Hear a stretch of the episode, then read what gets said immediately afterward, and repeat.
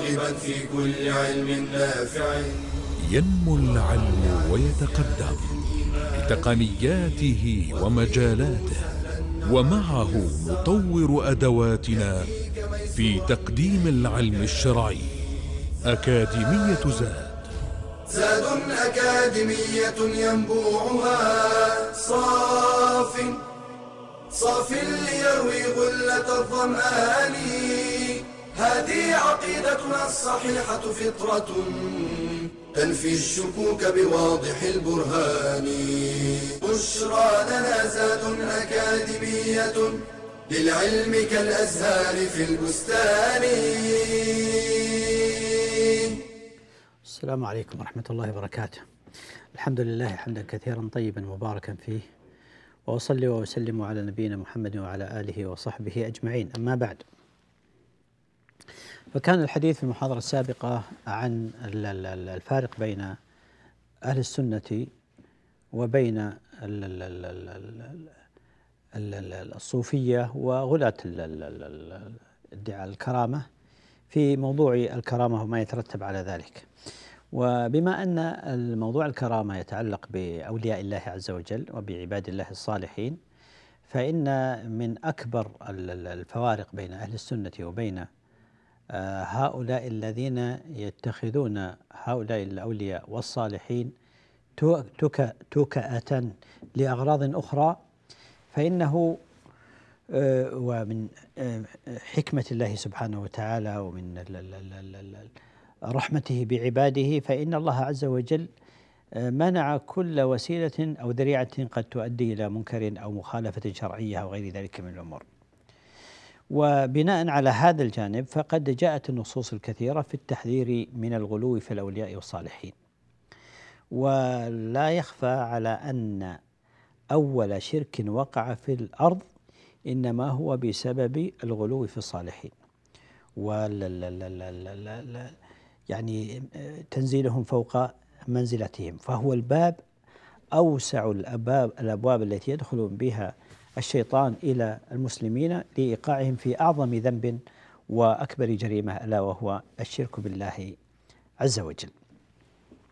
ومعلوم أن الناس في معاملة الصالحين كما في غيرها من المسائل على ثلاثة أنحاء.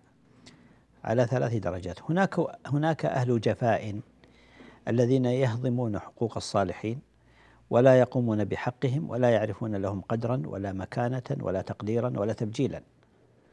وهناك في المقابل أهل غلو وهم الذين يبالغون في في في في في محبتهم وإكرامهم فيخرجونهم عن الحدود التي أباحها الله سبحانه وتعالى في هذا في حدود الأدب مع هؤلاء الصالحين. وهناك أهل الحق الذين يحبونهم ويوالونهم ويقومون بحقوقهم الحقيقية من غير مغالاة وتجاوز حدود الأدب وما يحق لهم من من من حقوق. فالحديث هنا إنما هو في عن جانب الغلو لأن تعلق الكرامات وظهورها على بعض الناس أو ادعاء ان ظهورها على بعض الناس مدعاه للغلو في أمثال هؤلاء واعتبارهم أنهم من الصالحين وأنهم من أولياء الله المتقين وأنهم وأنهم إلى غير ذلك من الأمور فيجرهم ذلك يجر الناس الدهماء إلى الوقوع في مخالفات شرعية تقدح في التوحيد بسبب هذا الغلو، لذلك جاءت الشريعة صارمة وصريحة وواضحة في التحذير من الغلو في الأولياء والصالحين. والمراد بالغلو فيهم هو الزيادة في مدحهم والإفراط في تعظيمهم بالقول أو الفعل أو الاعتقاد ورفع المخلوق فوق منزلته التي أنزله الله تعالى إياها. أقول جاءت النصوص صريحة وكثيرة في كتاب الله عز وجل في التحذير من الغلو كما جاءت احاديث النبي صلى الله عليه وسلم في ذلك. يقول الله عز وجل في محكم التنزيل: يا أهل الكتاب لا تغلوا في دينكم ولا تقولوا على الله إلا الحق. ولا تقولوا على الله إلا الحق، لماذا؟ لأن النصارى غلت في المسيح عليه السلام حتى وصل بهم هذا الغلو إلى أن ادعوا أنه ابن الله تعالى الله. عن ذلك علوا كبيرة وجعله ثالث ثلاثة. فجاءت النصوص الصريحة في النهي عن الغلو. يا أهل الكتاب لا تغلوا في دينكم ولا تقولوا على الله إلا الحق. إنما المسيح عيسى بن مريم رسول الله وكلمته ألقاها إلى مريم وروح منه. ومعنى ذلك أي لا ترفع المخلوق عن منزلته التي أنزله الله سبحانه وتعالى. في منزلة لا ينبغي أو لا تنبغي إلا لله سبحانه وتعالى. والخطاب هنا وإن كان لأهل الكتاب إلا أنه عام يتناول هذه الأمة. وذلك من باب التحذير لئلا يقعوا فيما وقع فيه أولئك الذين غلوا في أنبيائهم وصالحهم حتى أوقعوهم أو وقعوا في الشرك الصراح معهم نسأل الله العافية والسلامة مع الله سبحانه وتعالى أيضا يقول الله عز وجل في محكم تنزيله في محكم التنزيل قل يا أهل الكتاب لا تغلوا في دينكم غير الحق قل يا أهل الكتاب لا تغلوا في دينكم غير الحق ولا تتبعوا أهواء قوم قد ضلوا من قبل وأضلوا كثيرا وضلوا عن سواء السبيل. وهنا آه، جعل من أهم أسباب الغلو هو اتباع الهوى. ولا تتبعوا أهواء قوم قد ضلوا من قبل وأضلوا كثيرا وضلوا عن سواء السبيل. فجعل من أهم أسباب الغلو هو اتباع الهوى. ولهذا يقول الإمام الشعبي رحمه الله تعالى يقول ما ذكر الله الهوى في القرآن إلا ذمه. بل هو المعبود الخفي الذي قد يعني يعبد من دون الله ولا يشعر الإنسان بذلك. أفرأيت من اتخذ إلهه هواه وأضله الله على علم؟ نسأل الله العافية. فيقع الإنسان في الشرك من حيث لا يشعر. فهنا قال الله عز وجل قل يا أهل الكتاب لا تغلوا في دينكم غير الحق ولا تتبعوا أهواء قوم قد ضلوا من قبل وأضلوا كثيرا وضلوا عن سواء السبيل. وجاءت أيضا التحذيرات في السنة النبوية ويخاطب بها هذه الأمة أمة محمد صلى الله عليه وسلم. فلهذا وجه النبي صلى الله عليه وسلم آه، التحذير من الغلو على وجه العموم. يقول النبي عليه الصلاة والسلام إياكم يخاطبنا عليه الصلاة والسلام. وهو آه، الصادق الأمين الحريص على أمته وعلى إبعادهم عن كل ما يمكن أن يضرهم بالقدح في دين الله سبحانه وتعالى وفي توحيده وفي ما يجر إلى إلى إلى القدح في التوحيد. قال صلى الله عليه وسلم إياكم والغلو في الدين. فإنما أهلك من كان قبلكم الغلو في الدين. ونلاحظ هنا في هذا الحديث أن تحريم الغلو جاء على ثلاثة أنحاء. أولها التحذير من ذلك. إياكم الغلو في الدين. تحذير صريح من النبي صلى الله عليه وسلم. الجانب الثاني أنه بين عليه الصلاة والسلام أنه سبب هلاك من كان قبلنا. فما دام أنه سبب هلاك من كان قبلنا فإن الواجب علينا أن نبتعد عنه وعن كل ما يمكن أن يعني يكون سببا إليه أو وسيلة إليه. والتحذير الثالث أن فيه تشبها بالأمم السابقة. الغلو في الدين والغلو في الصالحين فيه تشبه بمن أمرنا الله عز وجل ألا نتشبه بهم من الأمم السابقة وقد أمرنا بعدم التشبه بهم وقال من تشبه بقوم فهو منهم. فلذلك هذا الحديث واضح الصراحة وواضح وبين في في التحذير من الغلو بكل أنواعه. الغلو في الصالحين والغلو في غيرهم. إياكم والغلو في الدين فإنما أهلك من كان قبلكم الغلو في الدين. آه فاصل ثم نعود لاستكمال الحديث إن شاء الله. إلى أن نلتقي نستودعكم الله. والسلام عليكم ورحمة الله وبركاته. بشرى لنا أكاديمية للعلم كالأزهار في البستان.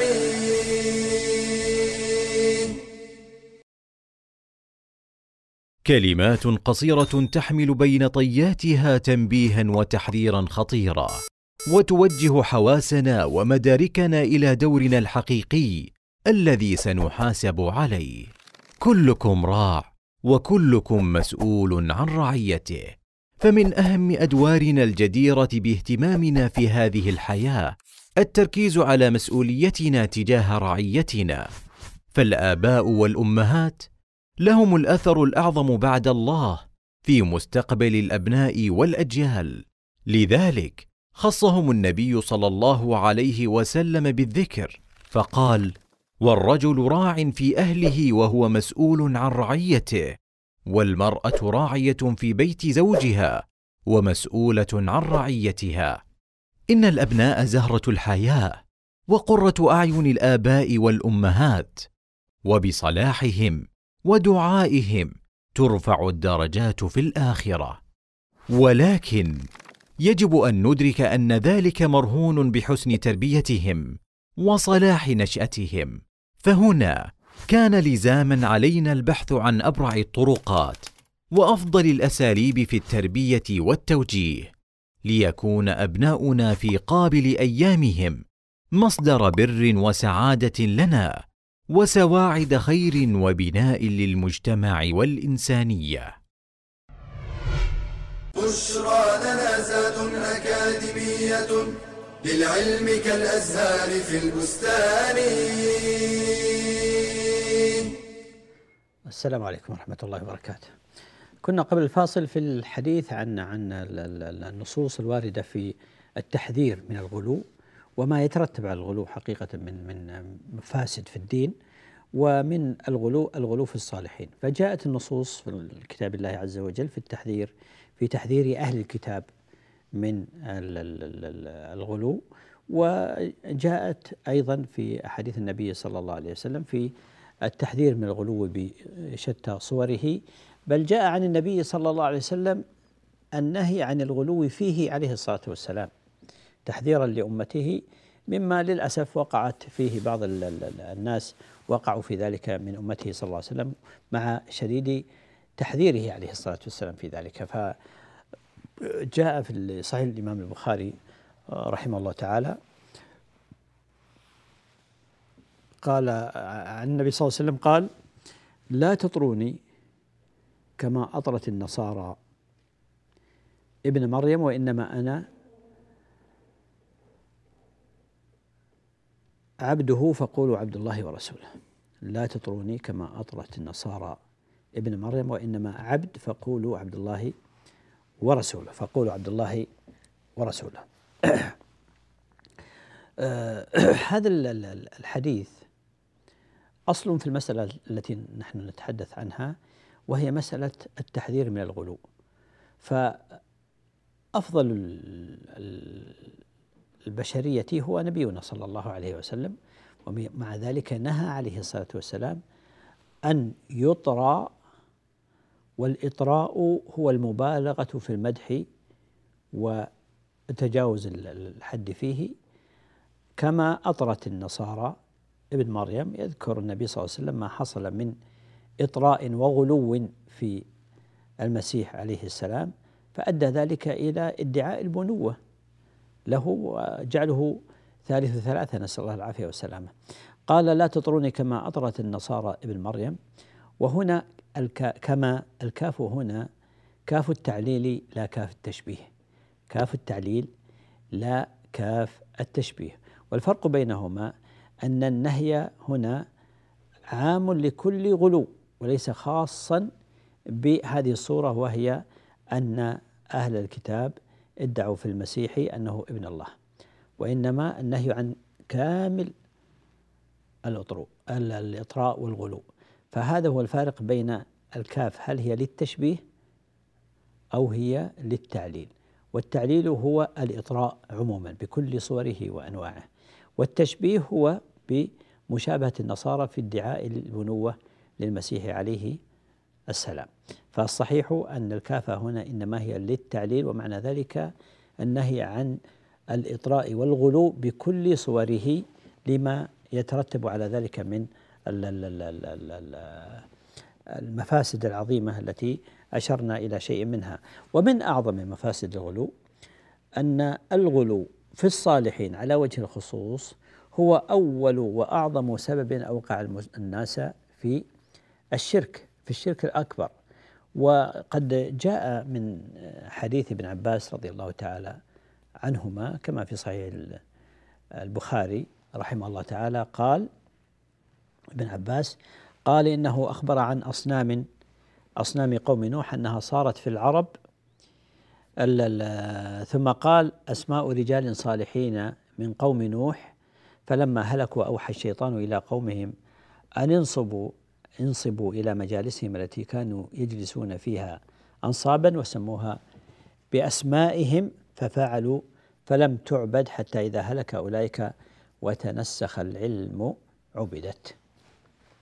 يعني بدأت بالغلو اجعلوا عليهم نصب تذكاري ليذكرنا بعبادتهم وبصلاحهم واجعلوا صورهم واجعلوا رموزا ترمز إليهم لتذكرنا بعبادتهم وبصلاحهم وإلى التذكير بهم.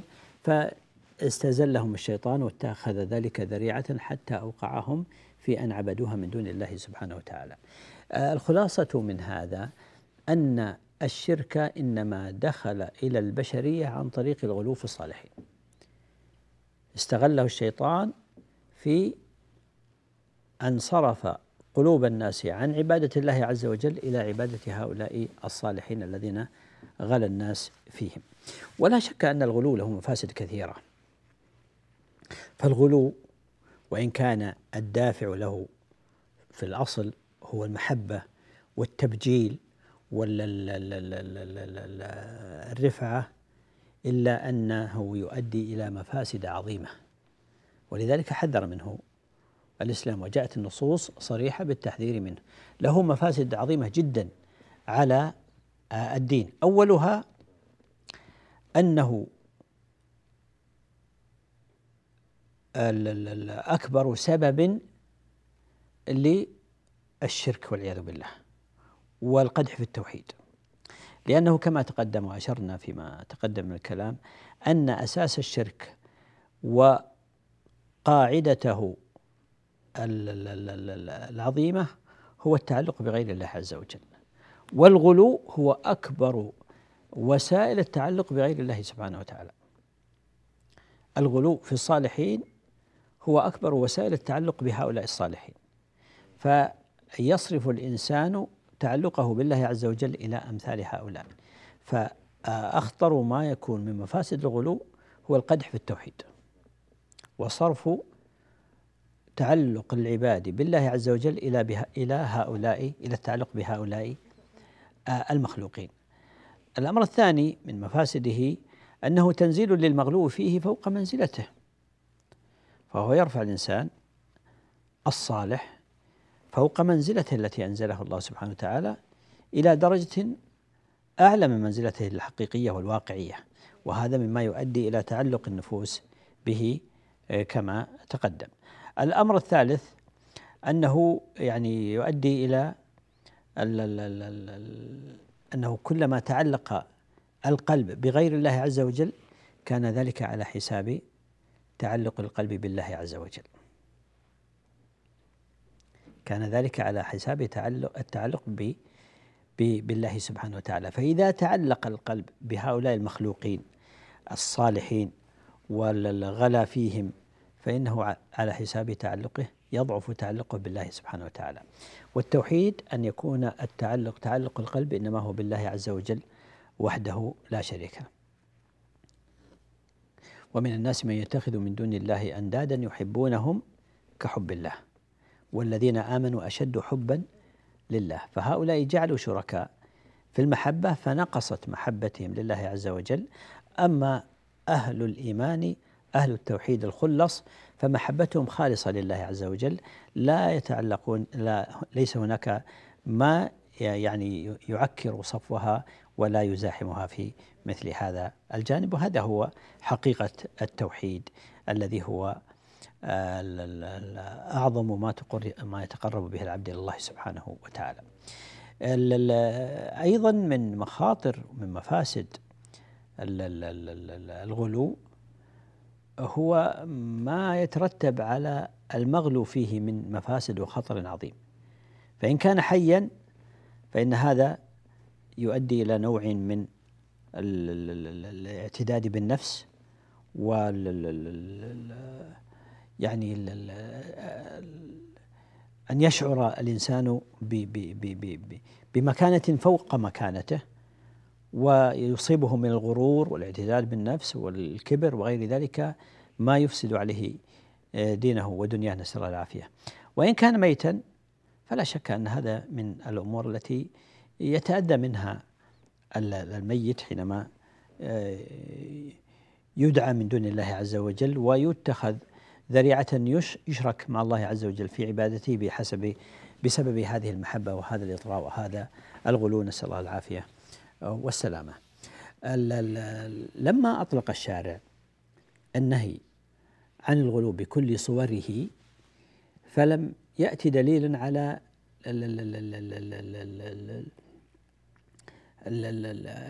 فجاءت النصوص واضحة صريحة في المنع من كل وسيلة من وسائل الوسائل التي تؤدي إلى الغلو وتؤدي إلى الوقوع في ما لا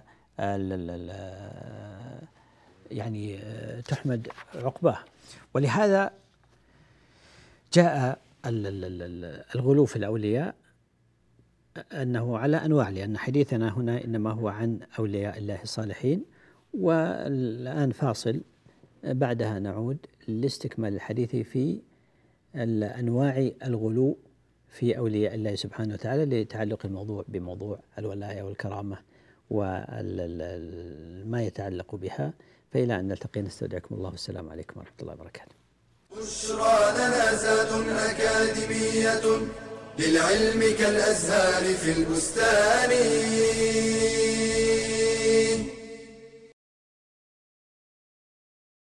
التعليم في الصغر كالنقش على الحجر. إنه كلام صحيح. ولكن ذلك لا يعني حرمان كبار السن من طلب العلم. ولا ييأس كبير السن من التعلم. فإذا علم الله منه حسن النية وفقه لجمع العلم الكثير في الزمن القليل. ولا يستحي كبير السن من الجلوس في حلق العلم مع الصغار. قال مجاهد لا يتعلم العلم مستحي ولا مستكبر.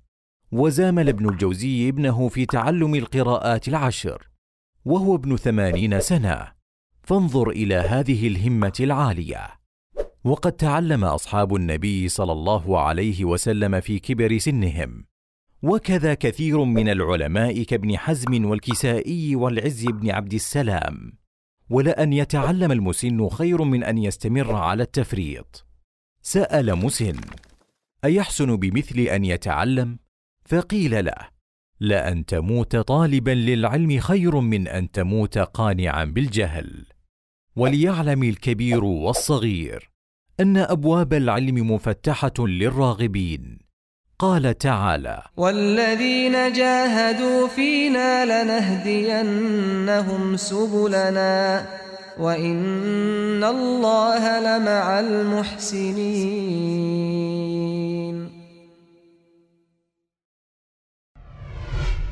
بشرى لنا زاد أكاديمية للعلم كالأزهار في البستان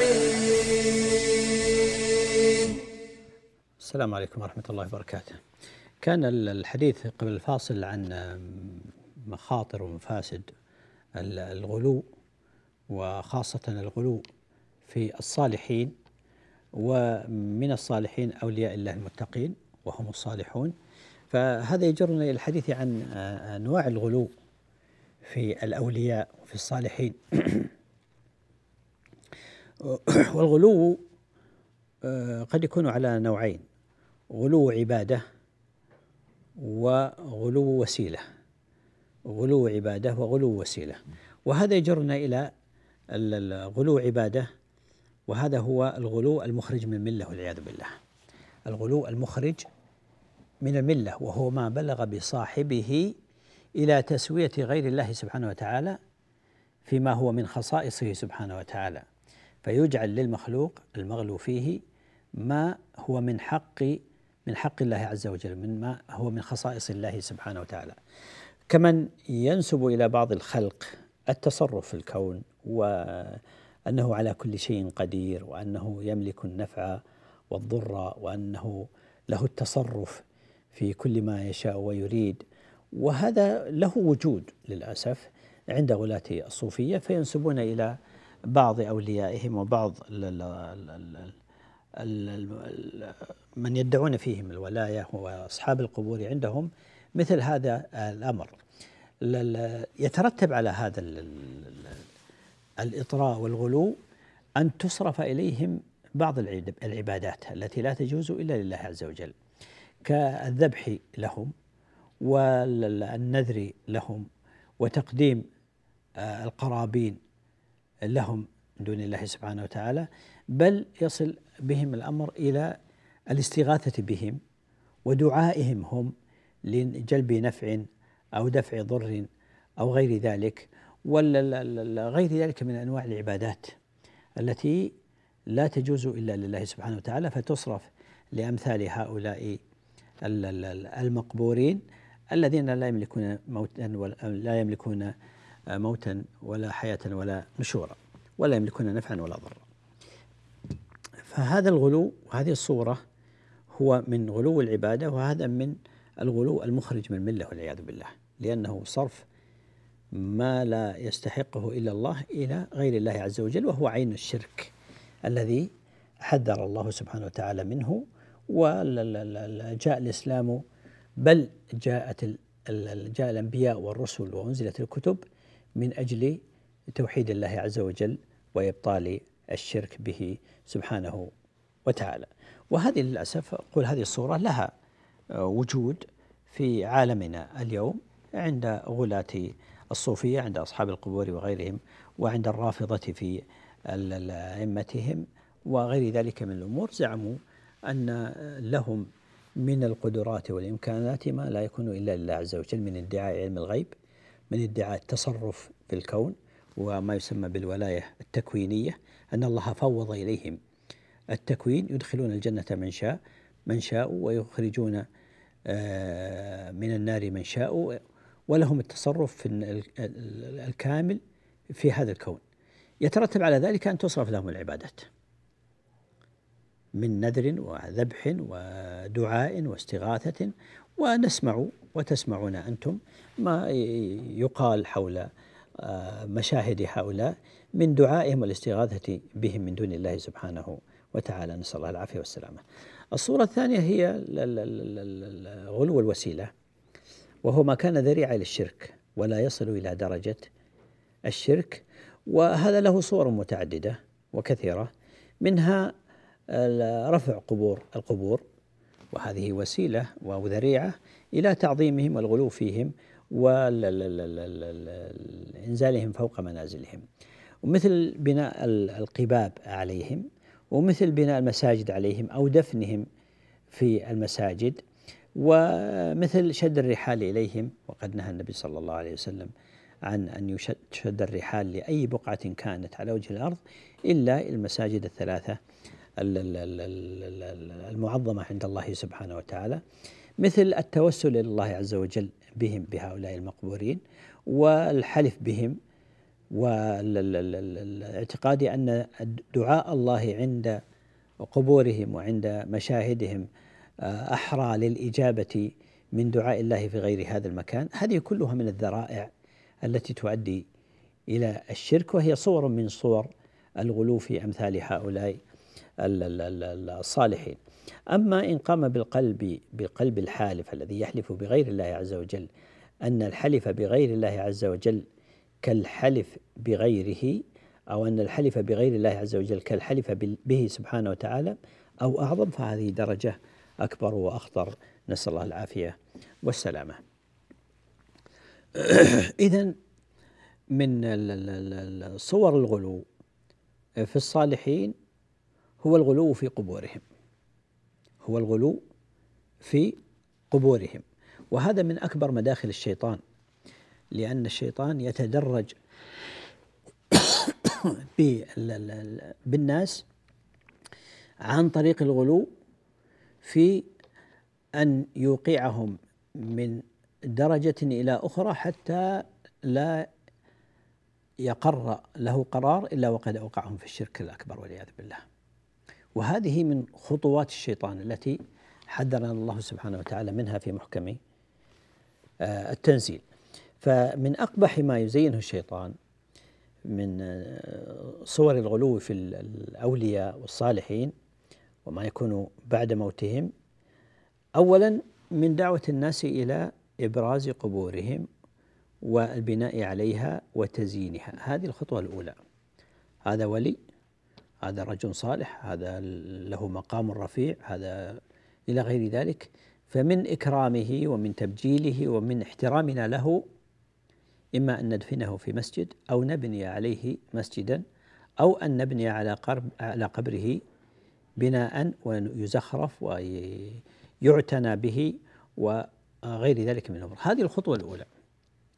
يلي هذه الخطوة الخطوة الثانية أنه يلقي في قلوبهم أن العكوف عليه وشد الرحل إليه إنما هو من محبتهم. هذا الرجل الصالح يعني يعكف عند قبره ويقام وتشد الرحال يسافر من أجل زيارة هذا القبر وأن هذا من محبته وأن الدعاء عنده مستجاب آه، لله سبحانه وتعالى. فلذلك يأتون إليه ويدعون الله عنده لا يدعونه وإنما يدعون الله عنده.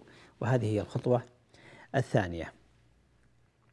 الخطوة الثالثة أن يتقدم بهم درجة إلى الهاوية الشيطان وهو آه، الدعاء بهم والإقسام على الله سبحانه وتعالى بأصحابها.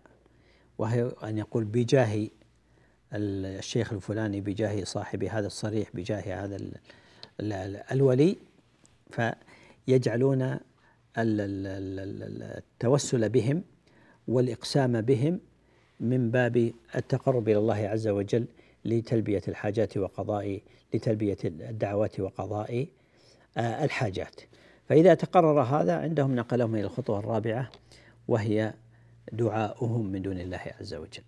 دعاء أصحاب القبور والاستشفاع بهم والاستغاثة بهم فيتخذون القبور أوثانا يطاف بها وتستلم وتقبل ويتبرك بتربتها ويذبح عندها وتقام عندها ولها الاحتفالات والموالد والأعياد السنوية.